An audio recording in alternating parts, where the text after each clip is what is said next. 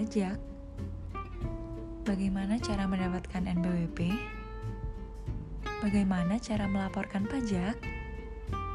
Evin, PTKP, penghasilan kena pajak, PPH, PPN, apa artinya? Saya sudah membayar pajak. Ada pajak bumi bangunan, pajak kendaraan bermotor. Tetapi mengapa saya juga perlu membayar pajak penghasilan? Hmm. Pada podcast ini, saya akan membahas serba-serbi perpajakan secara santai dan sederhana.